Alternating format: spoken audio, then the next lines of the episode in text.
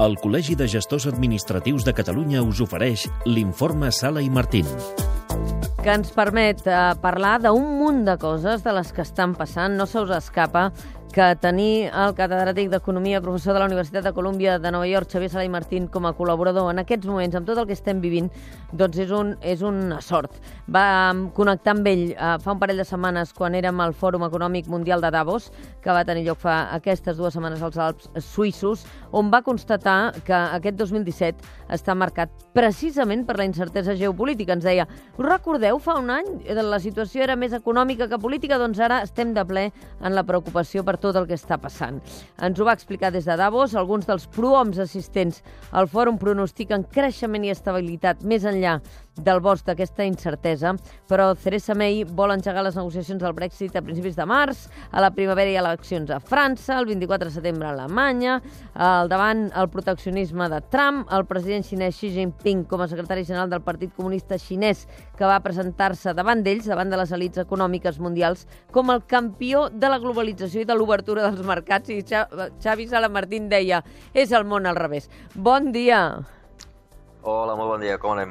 Bé, ara que ja heu espaït dos, anys de re... dos setmanes de repòs del fòrum de Davos, quina és la principal idea que t'has endut de Davos aquest any? Bueno, segueixo amb la idea de que el gran problema que tenim davant és geopolític, el Trump és una incertesa cada vegada més gran, però per parlar d'alguna altra cosa que no sigui la geopolítica, la, la idea que més va preocupar, la idea que, a, a banda de la geopolítica, la idea que més va eh, centrar els debats és el que diguem, el que s'anomena el creixement inclusiu. Eh?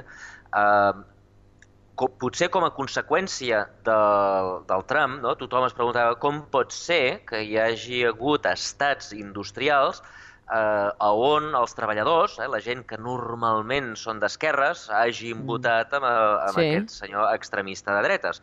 És a dir, que és, és un fenomen que molts interpreten com el, el fet de que la globalització, que tots sabem que en el seu conjunt és bona, tots sortim guanyant, eh, no, perdona, tots sortim guanyant, el, el, el món en el seu conjunt surt guanyant de la globalització, el món en el seu conjunt surt guanyant del progrés tecnològic, del procés d'automatització, del procés de robotització, eh, però hem oblidat eh, que en els últims anys hem oblidat que hi ha grups de gent que hi surten perdent. Clar. Els treballadors de Detroit, els treballadors de Pensilvània, els treballadors de les fàbriques de París, eh, i, i, el, el, i, i ho hem oblidat, diguem, amb, amb, amb la teoria aquesta de que en el conjunt hi ho sortim guanyant eh, el fet de que els productes vinguin de Xina vol dir que els consumidors eh, poden comprar coses més barates i això augmenta el nostre poder adquisitiu i en el seu conjunt tot això és bo, però hem oblidat que hi ha uns quants que hi surten perdent, els que perden els llocs de treball. I aleshores, eh, diguem, això és una cosa que és un fenomen històric, però el que preocupava Davos era que estem a punt o ja entrant en la quarta revolució industrial, on tot això es pot magnificar perquè, eh, diguem, les revolucions que hi ha hagut fins ara, les màquines substituïen el muscle, eh, el muscle humà. El, els treballadors que abans feien força o collaven cargols han estat substituïts per robots.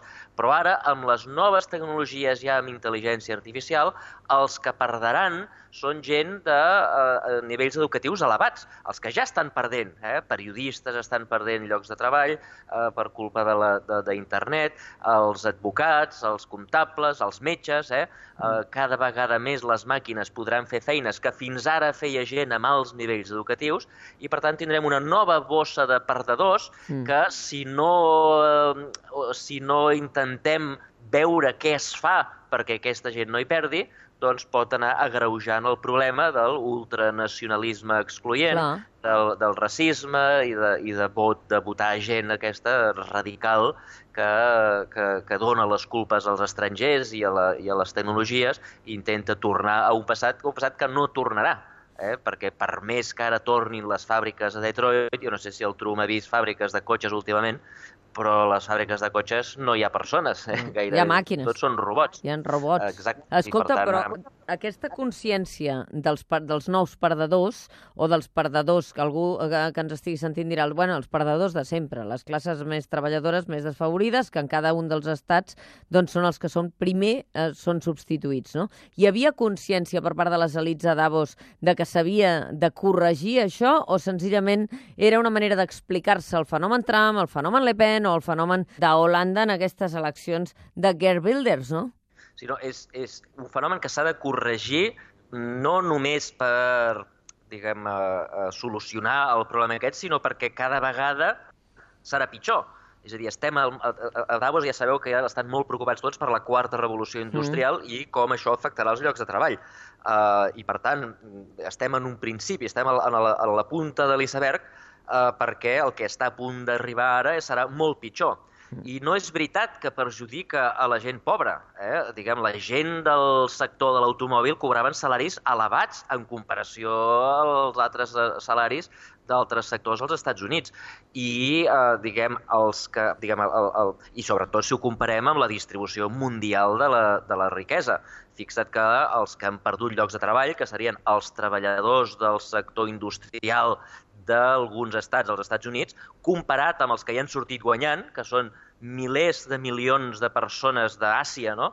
eh, que eren miserables, pobres, que, que cobraven menys d'un dòlar al dia fa només 40 anys, aquests hi han sortit guanyant. Per tant, mm. en el món, en el planeta Terra, els que hi han sortit guanyant han sigut els més pobres de tots i els que han sortit perdent, en aquesta escala global, són bastant rics.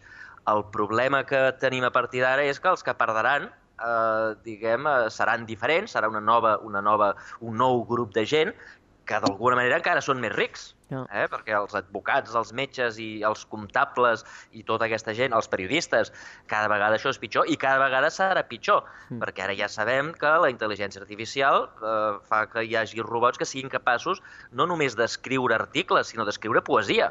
Ah. Eh, I, per tant, eh, diguem, tota una sèrie de llocs de treball que fins ara doncs, eh, estaven ben remunerats, si, diguem, perquè el feien gent amb molt nivell educatiu, doncs ara estan en perill.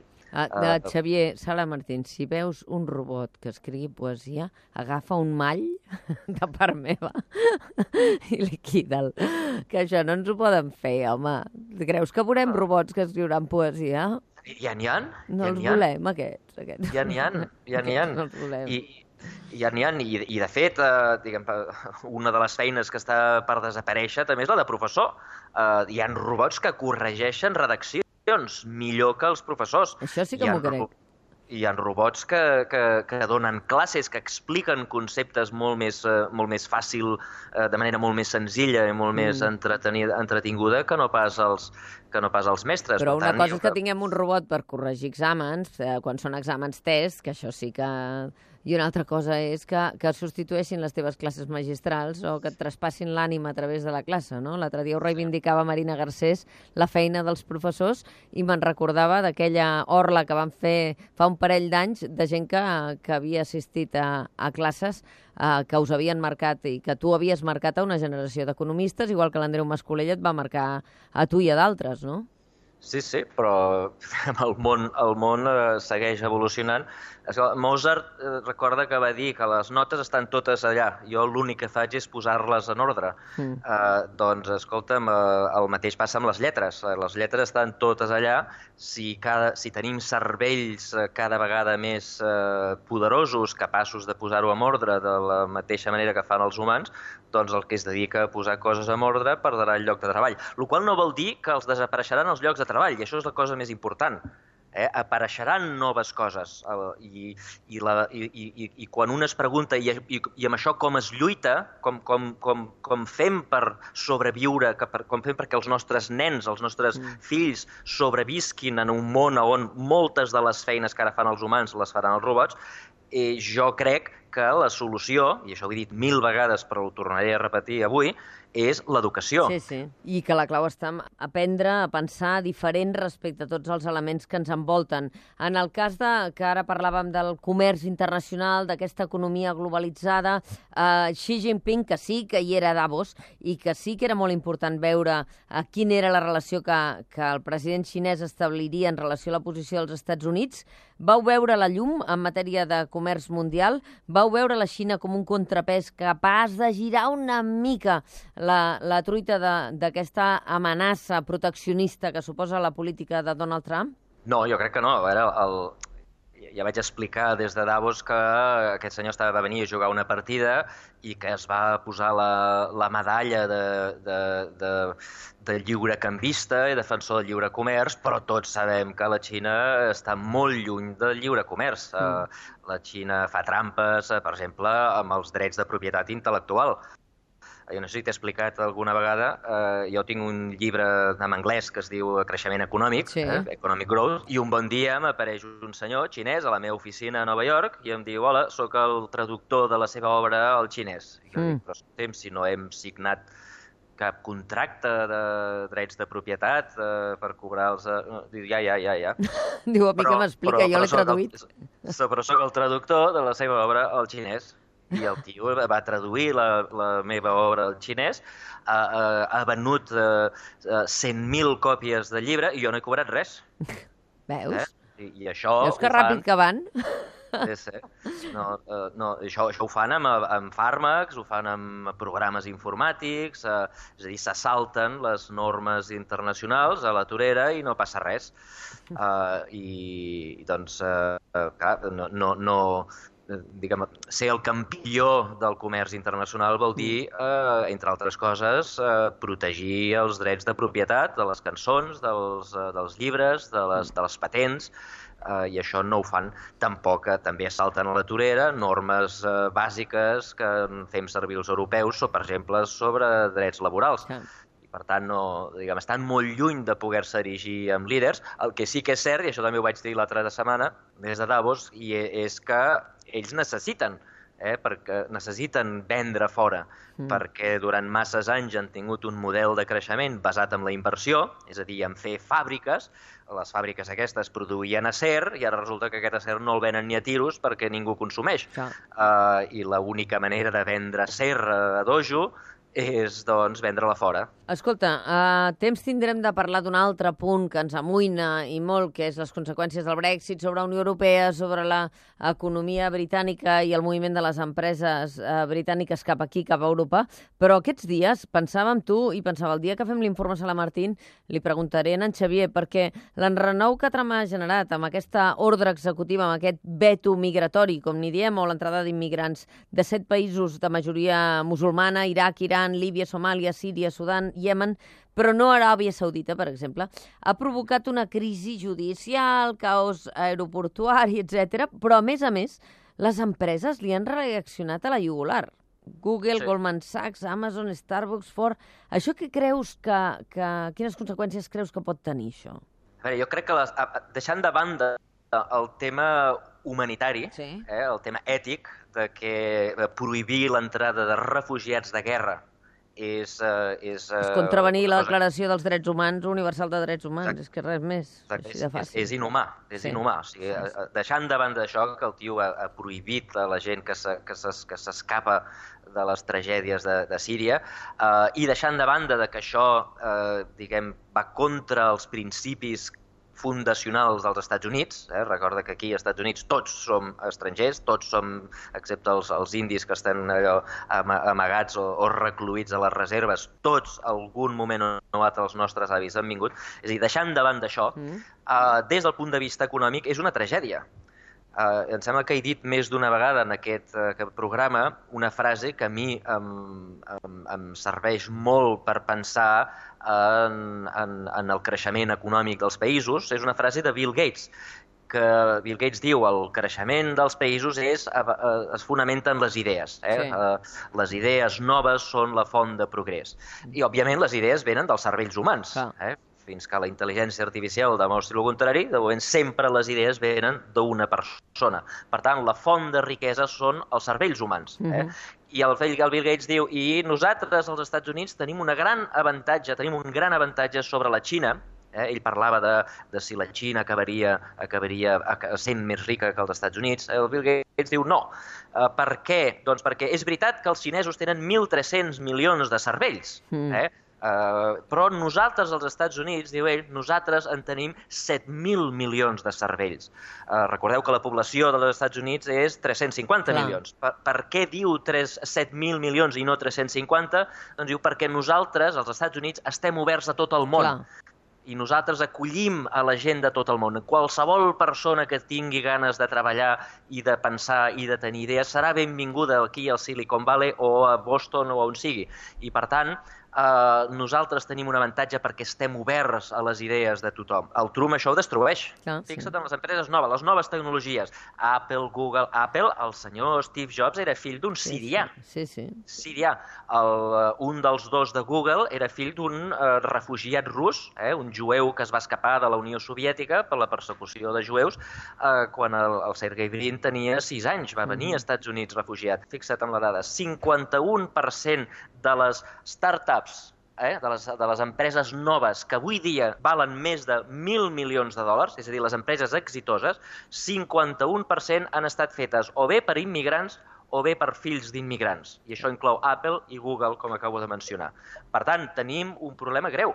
Tenim als Estats Units un problema greu perquè si aquest senyor dels cabells de color taronja decideix retallar eh, l'entrada d'aquests cervells als Estats Units pot acabar perdent el lideratge tecnològic. Eh, potser seria hora de que els europeus es posessin les piles i eh, facilitessin, cosa que no estan fent tampoc, però facilitessin diguem, a centres on els, el, la gent que és capaç de tenir idees doncs vingui a Europa, treballin junts eh, i creïn idees que, que fins ara no, poden, no, no, no han creat perquè s'han anat als Estats Units, doncs potser seria hora de que Europa, si els Estats Units decideixen eh, tirar-se un tret al peu amb aquest senyor, doncs eh, que els europeus aprofitéssim per crear nosaltres els centres de, els centres d'excel·lència de, que, que els Estats Units perdran. Clar, perquè una de les coses que ja li han dit des d'aquestes grans empreses, diu, escolta, si ens estàs frenant la vinguda, anada i vinguda dels nostres treballadors, ens estàs frenant l'activitat, no? Això pot tenir conseqüències econòmiques sobre, sobre les mateixes empreses, sobre la capacitat competitiva d'aquestes grans empreses, no? Sí, sí, absolutament. De totes maneres, eh, jo, eh, eh, diguem, la, la, la, la presentació que has fet és una mica optimista. Eh? Uh, jo he vist que totes les empreses tecnològiques mm. massivament s'han queixat. Sí. De les altres, um, jo he vist un silenci preocupant. És veritat que uh, General Ford, Electric Ford, una cosa... per exemple. Uh, el Ford es va queixar, però perquè els havien criticat de que posaven una, una empresa, una fàbrica a Mèxic. Uh, Goldman uh, Sachs, també, sí. que no és però, precisament... Diguem, a mi, a mi, a mi el que m'ha preocupat precisament és la poca reacció que hi ha hagut. Hi ha hagut unes quantes empreses que s'han diguem, que s'han queixat molt, fins i tot el Sergei Brin, aquest noi rus jueu que va, es va escapar de la Unió Soviètica quan era petit i que va crear Google, aquest xaval estava l'altre dia a les manifestacions en contra sí. d'això. Eh? La, la gent es feia selfies amb ells i les, passava, les penjava al Twitter eh, sorpresos de veure el Sergei Brin allà entre les multituds eh, manifestant-se. Eh, mm. Però les empreses que no són tecnològiques, a mi el que m'ha sobtat eh, i de fet el que em fa por és el poc que s'han arribat a queixar. Clar. I dic que això fa por perquè dona la impressió de que el, el president Trump aquest els intimida.